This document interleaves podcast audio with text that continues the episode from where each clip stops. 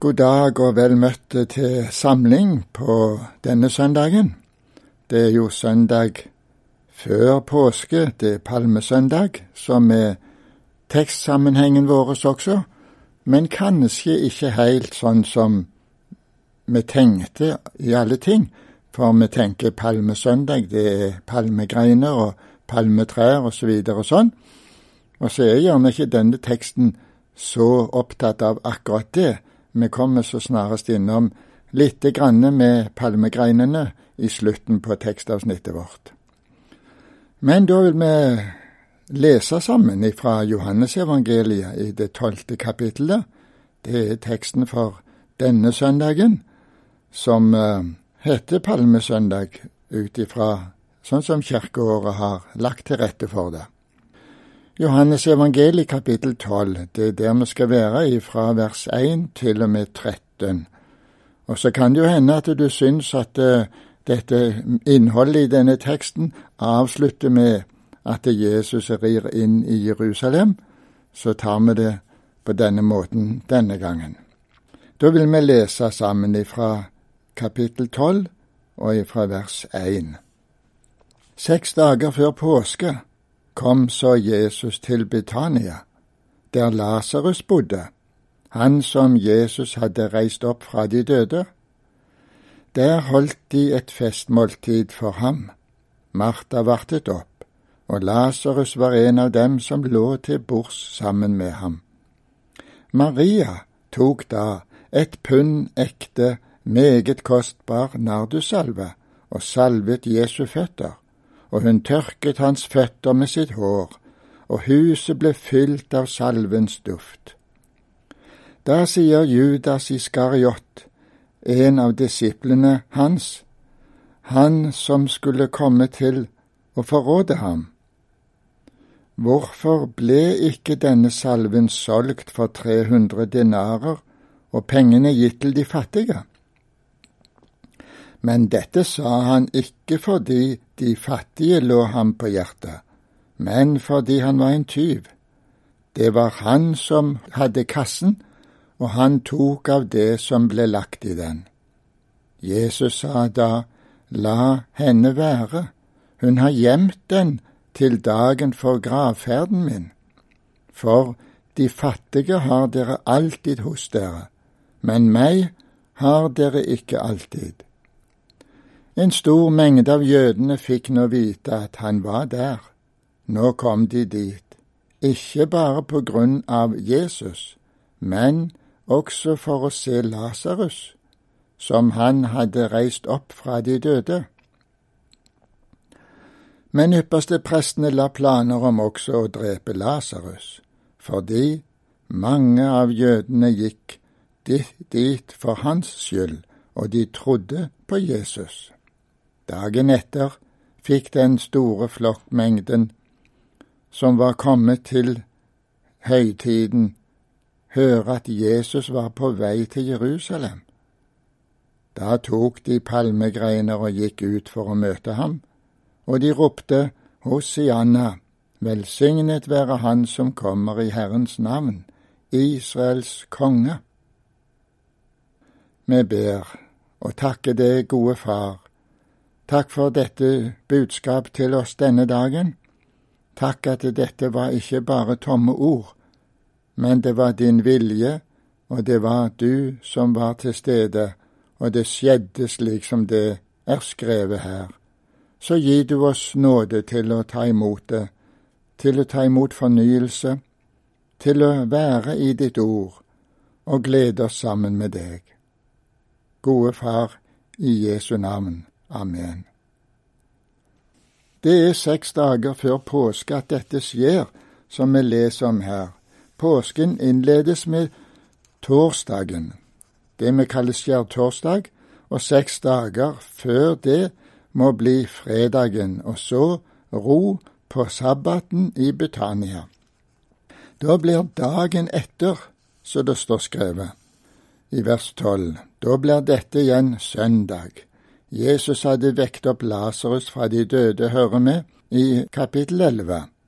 og før han nå drar inn i Jerusalem, så stanser han over sabbaten i Betania hos Martha og Maria og Lasarus, hvor det blir holdt et festmåltid for Lasarus. Disiplene er med. Og jeg tenker på for våres del når vi leser disse ord, glem ikke alle hans velgjerninger, sånn som det står skrevet i Salme 103 i det andre verset. For det var Guds velgjerninger som hadde skjedd, og derfor ble det fest i Betania nå når Lasarus var levende blant dem igjen. Kanskje skulle vi òg holde fest over de velgjerninger Herren har gjort for oss. I alle fall har vi grunn til å takke Gud for all daglig omsorg, det daglige brød, Guds velsignelse. Uten den er vi fattige. Nå var det nok spesielt med tanke på Lasarus. Det vakte oppsikt, slik at det kom mange mennesker til Betania for å se ham, leser vi. Gjennom disse forskjellige under og tegn som Jesus gjorde, viste han seg både som sant menneske og sann Gud. Jesus er Gud. Jeg og Faderen, vi er ett, sier Jesus. Det skal vi minne hverandre om på i dag. Jesus bruker til og med det navnet som Gud presenterte seg med. Jeg er. Jesus er Gud. Jeg og Faderen, vi er ett. Det skal vi minne hverandre på i dag. Jesus bruker Guds navnet Jeg er, det du leser om i annen Mosebok i kapittel 1. Og nå går du til profeten Jesajas i kapittel 45 vers 5 så vil du lese dette Jeg er Herren, og det er ingen annen. Foruten meg er det ingen Gud. Jeg bandt beltet om deg, sier Herren, enda du ikke kjente meg.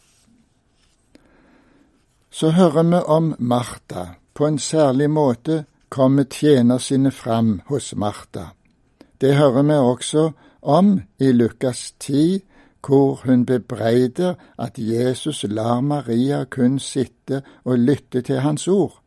Martha gjør i sannhet en gudstjeneste gjennom sin oppvartning. Enhver av oss skal tjene med den nådegave som han har fått. Det leser vi om i første Peters brev i kapittel fire vers ti. Ettersom enhver har fått en nådegave, så tjen hverandre med den, som gode husholdere over Guds mangfoldige nåde. Martha hadde kanskje en spesiell tjenestegave. Skal vi sette navn på Maria sin oppgave, så er det kanskje i denne sammenheng tilbedelse. Hun tjente sikkert Jesus gjennom oppgaver, hun også, og her møter vi henne i hengivelse til Jesus. Hun har spart en kostbar salve til Jesus. Jesus sier at hun har gjemt den til dagen for hans gravferd. Da er det to ting vi vil peke på her. For det første at Jesus blir salva. Nå salver hun Jesus, og på en måte innvier hun ham til å være den egentlige ypperste presten og det egentlige offerlammet. Bak det som hender, er Guds arm som fører fram sonofferet, som altså er Jesus, som fører fram sonofferet for all verdens synd. Vårt legemlige øye ser bare festen og gleden over de ytre ting som skjedde, men bak er Gud og gjør sine gjerninger, og forbereder Jesus til den store forsoningsdagen på Golgata. Syndebukken skal frem, bære våre synder ut i ørkenen, lammet skal slaktes for å gjøre fyldest for alle våre synder. Vi leser at det er en kostbar salve. Ja, det var en svært kostbar salve som Maria hadde spart til denne dag. Vi får vite at hun hadde ett pund, ekte, meget kostbar nardussalve. Den setter Judas til en verdi av 300 denarer. Det tilsvarer 300 daglønner. ti måneders arbeid. Det var en anselig verdi. Kanskje Maria sin forvaltning her kan si hver av oss lite grann om å forvalte i forhold til Guds rike. Hvordan tenker vi om misjon og det å fremme Guds rike her på jord? Bibelen taler om å gi, om å legge til side. Vi leser fra første Korinterbrev 16,2. På den første dag i uken skal hver av dere hjemme hos dere sjøl legge til sides det han får lykke til, for at ikke innsamlingen først skal begynne når jeg kommer. Salvens duft fylte huset. Ikke minst kan denne salvens duft peke på den velsignelse som Jesus, hans liv og død, blei for oss. Det frelsesverk og den frelses gave forstår vi ikke fullt ut verdien av. Har ikke du og jeg, som fikk smake frelsen, opplevd den duft eller den rikdom og herlighet som fulgte med frelsen? Hvor herlig klinger Jesu navn for sjelen syk og sår, er det en som har skrevet i en sang. Det lindrer nød, det mildner savn, når det til hjertet når. Slik er alt av nåde. I Johannes 1, 14 står det at vi så Hans herlighet. Da du blei født på ny, fikk du del i denne sanne frelses glede, som tilgivelsen for synden gir oss.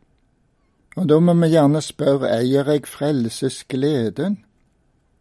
Eier du den visshet om frelse og trosfrihet som bare Jesus kan gi deg. Be du at Herren på nytt må åpenbare dette for deg og gi deg Åndens fylde i livet. Skal vi tenke sånn at det er salvens duft? Den fine duft fra salven som fylte huset, ble lagt merke til av de andre som var til stede.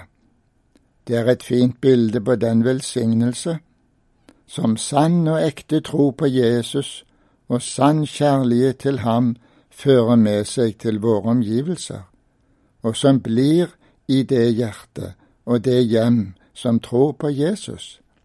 Det skaper en bønn hos oss, som dette som er skrevet i en sang, og la mitt liv om Jesus tale. Og du kan godt bruke bildet da, at det er denne duften av salven denne klangen av Jesu navnet som du blir glad i når du blir frelst, den smitter til andre. Så la dette tale til oss om å være frimodige i troen på Herren, og at Han vil gjøre oss også til en velsignelse for våre omgivelser.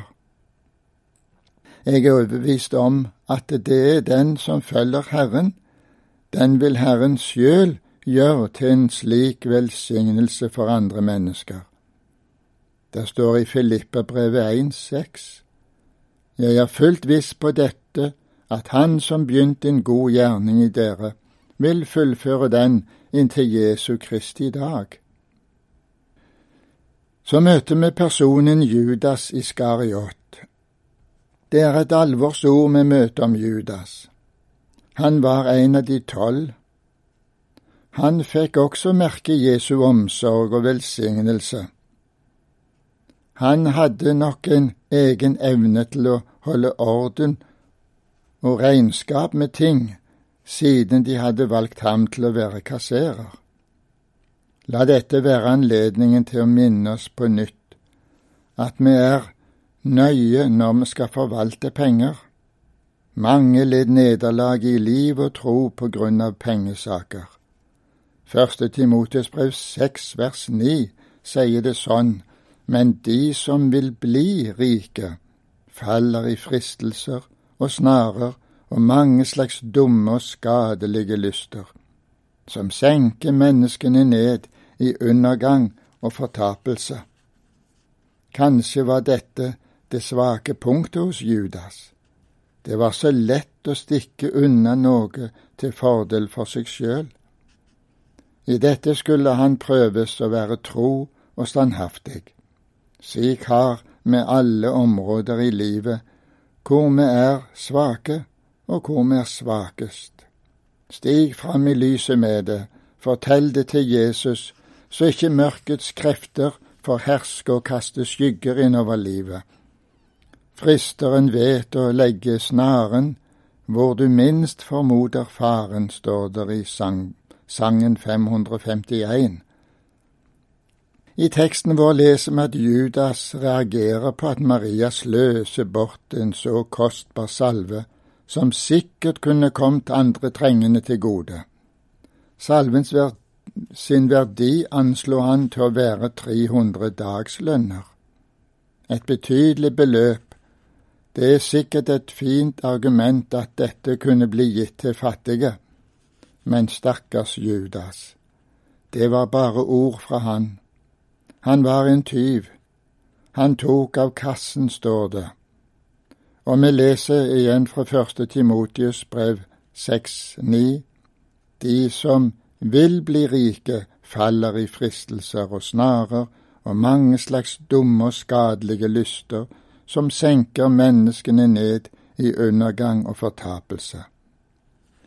Pengene hadde slik makt over han at han lurte til seg sjøl en del av deg, så kunne han likevel ha så fine meninger og visste å bruke de rette argumenter til enhver tid. Vokt deg. Vi kan så lett finne de rette ord og argumenter til å skjule oss bak. Så var kristentroen bare en fasade med døden bak. Må vi be med kong David i Salme 139, vers 23-24. Ransak meg, Gud, og kjenn mitt hjerte. Det er en prøve vi skulle stå fram for oss sjøl med Herren og for Han til ransake oss. Vi hører ikke om noen velsignelsens duft fra Judas. Han òg var altså en av de tolv. Han bekjente til slutt sin synd om å forråde uskyldig blod, men å bekjenne synd frelser ikke dersom vi ikke kommer til Jesus. Så kjære medkristen, synden er så farlig for oss. Bli i lyset med ditt liv. Lasarus hadde stått opp fra de døde. Jesus vekte han opp, hørte vi litt tidligere. Mange undrer seg, og nå kom det mange hit for å se Jesus og Lasarus. Det leser du om i kapittel 12, 9-11. Det er også en fin virkning at gjennom det som skjer ved oss, det Gud gjør med oss gjennom ordet, gjennom under og tegn, så kommer mennesker til tro på Jesus. Ja, la mitt liv om Jesus tale, er det en som har skrevet i en sang. Det var hva Jesus gjorde med og gjennom Lasarus, som blei de virksomme ting som leder mennesker til tro på Jesus.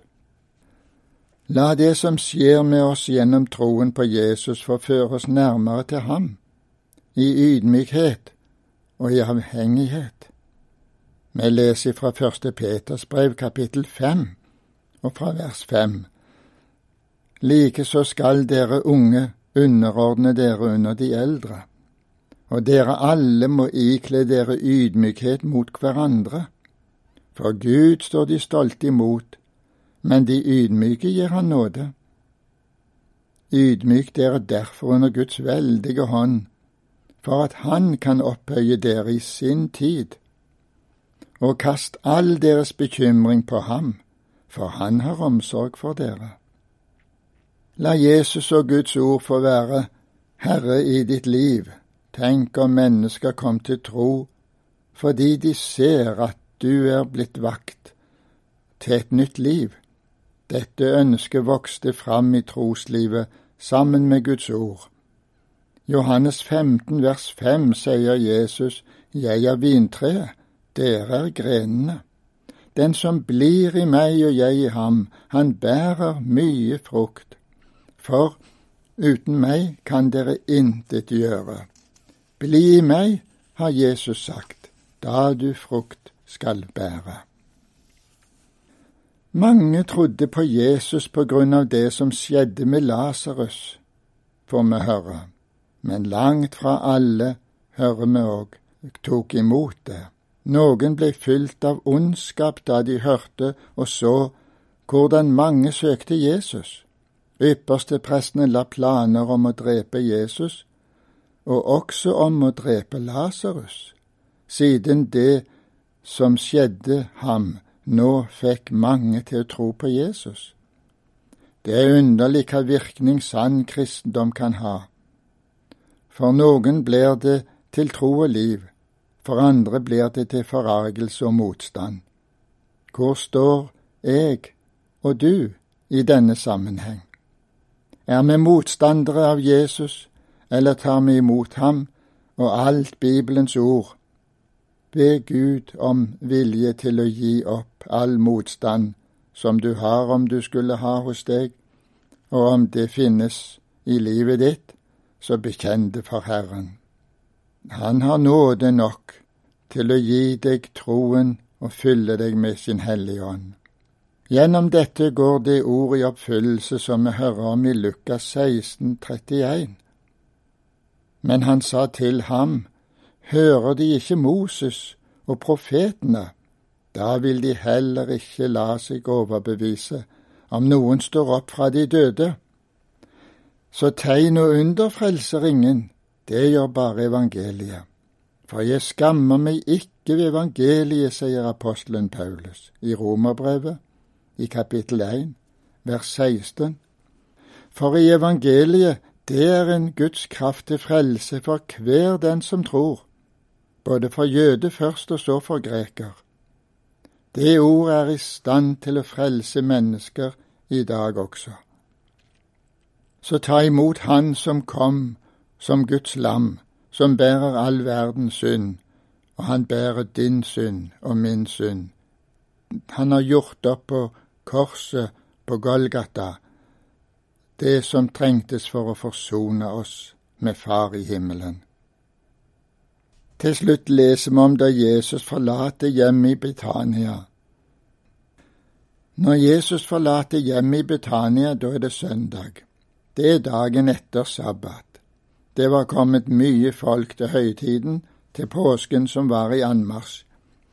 De får høre at Jesus er på vei til Jerusalem, og nå skjer det som har gitt den dagen navnet Palmesøndag.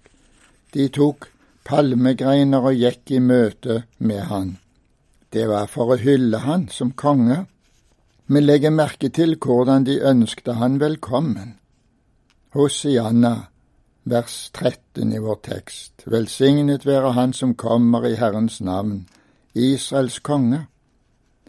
Det var i grunnen et sterkt vitnesbyrd, dette om hvem de hadde forstått at Jesus var. Han kommer i Herrens navn. Det vil si, han er utsendingen fra Gud, Far i himmelen.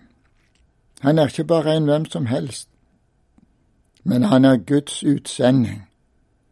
Ser jeg og du det når vi hører ord om Jesus, ord om korset? har vi fått denne åpenbaring om hvem Jesus er. Det er viktig for oss å holde fram hvem Jesus egentlig er. Altfor mange holder ham kun for å være et forbilde på human livsstil og et velgjørende menneske. Vi må være som Jesus, sier de. Ja, Jesus var sant mennesk, men han var også Guds lam. Det er ingen som han vår ferd skal være de gjerninger Den hellige ånd virker gjennom oss. Og da skal vi huske på det Jesus ga seg sjøl frivillig. Det var ingen som preste han til å gå i vårt sted, uten at han elska oss så høyt at han ga seg sjøl for oss. Han er Israels konge, det bekjente disse folka. Det er mer riktig enn de kanskje sjøl trodde da. Ikke lenge etterpå kom anklagen over at han sjøl gjorde seg til konge. Det kan du lese i Markus 15, 2 òg. Pilates spurte ham så, Er du jødenes konge?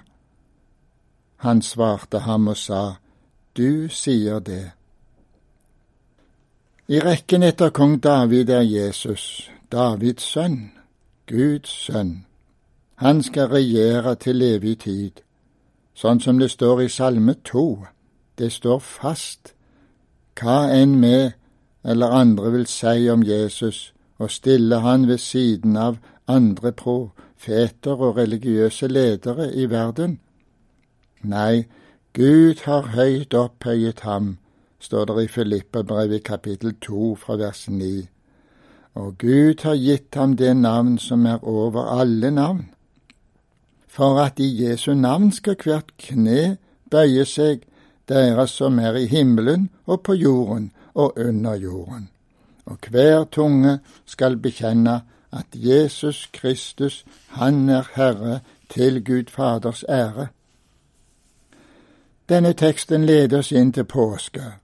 Nå skal Guds lam bli slakta som et sonoffer for all verdens synd. Der står fra Jesajas 53 og vers 5. Han ble såret for våre overtredelser, knust for våre misgjerninger. Straffen lå på ham for at vi skulle ha fred, og ved hans sår har vi fått legedom. Han ga seg sjøl, han ga seg sjøl, det var ingen tvang fra andre, men av seg sjøl tok han på seg tjenerskikkelsen. Jesus er min stedfortreder under Guds dom over mine synder.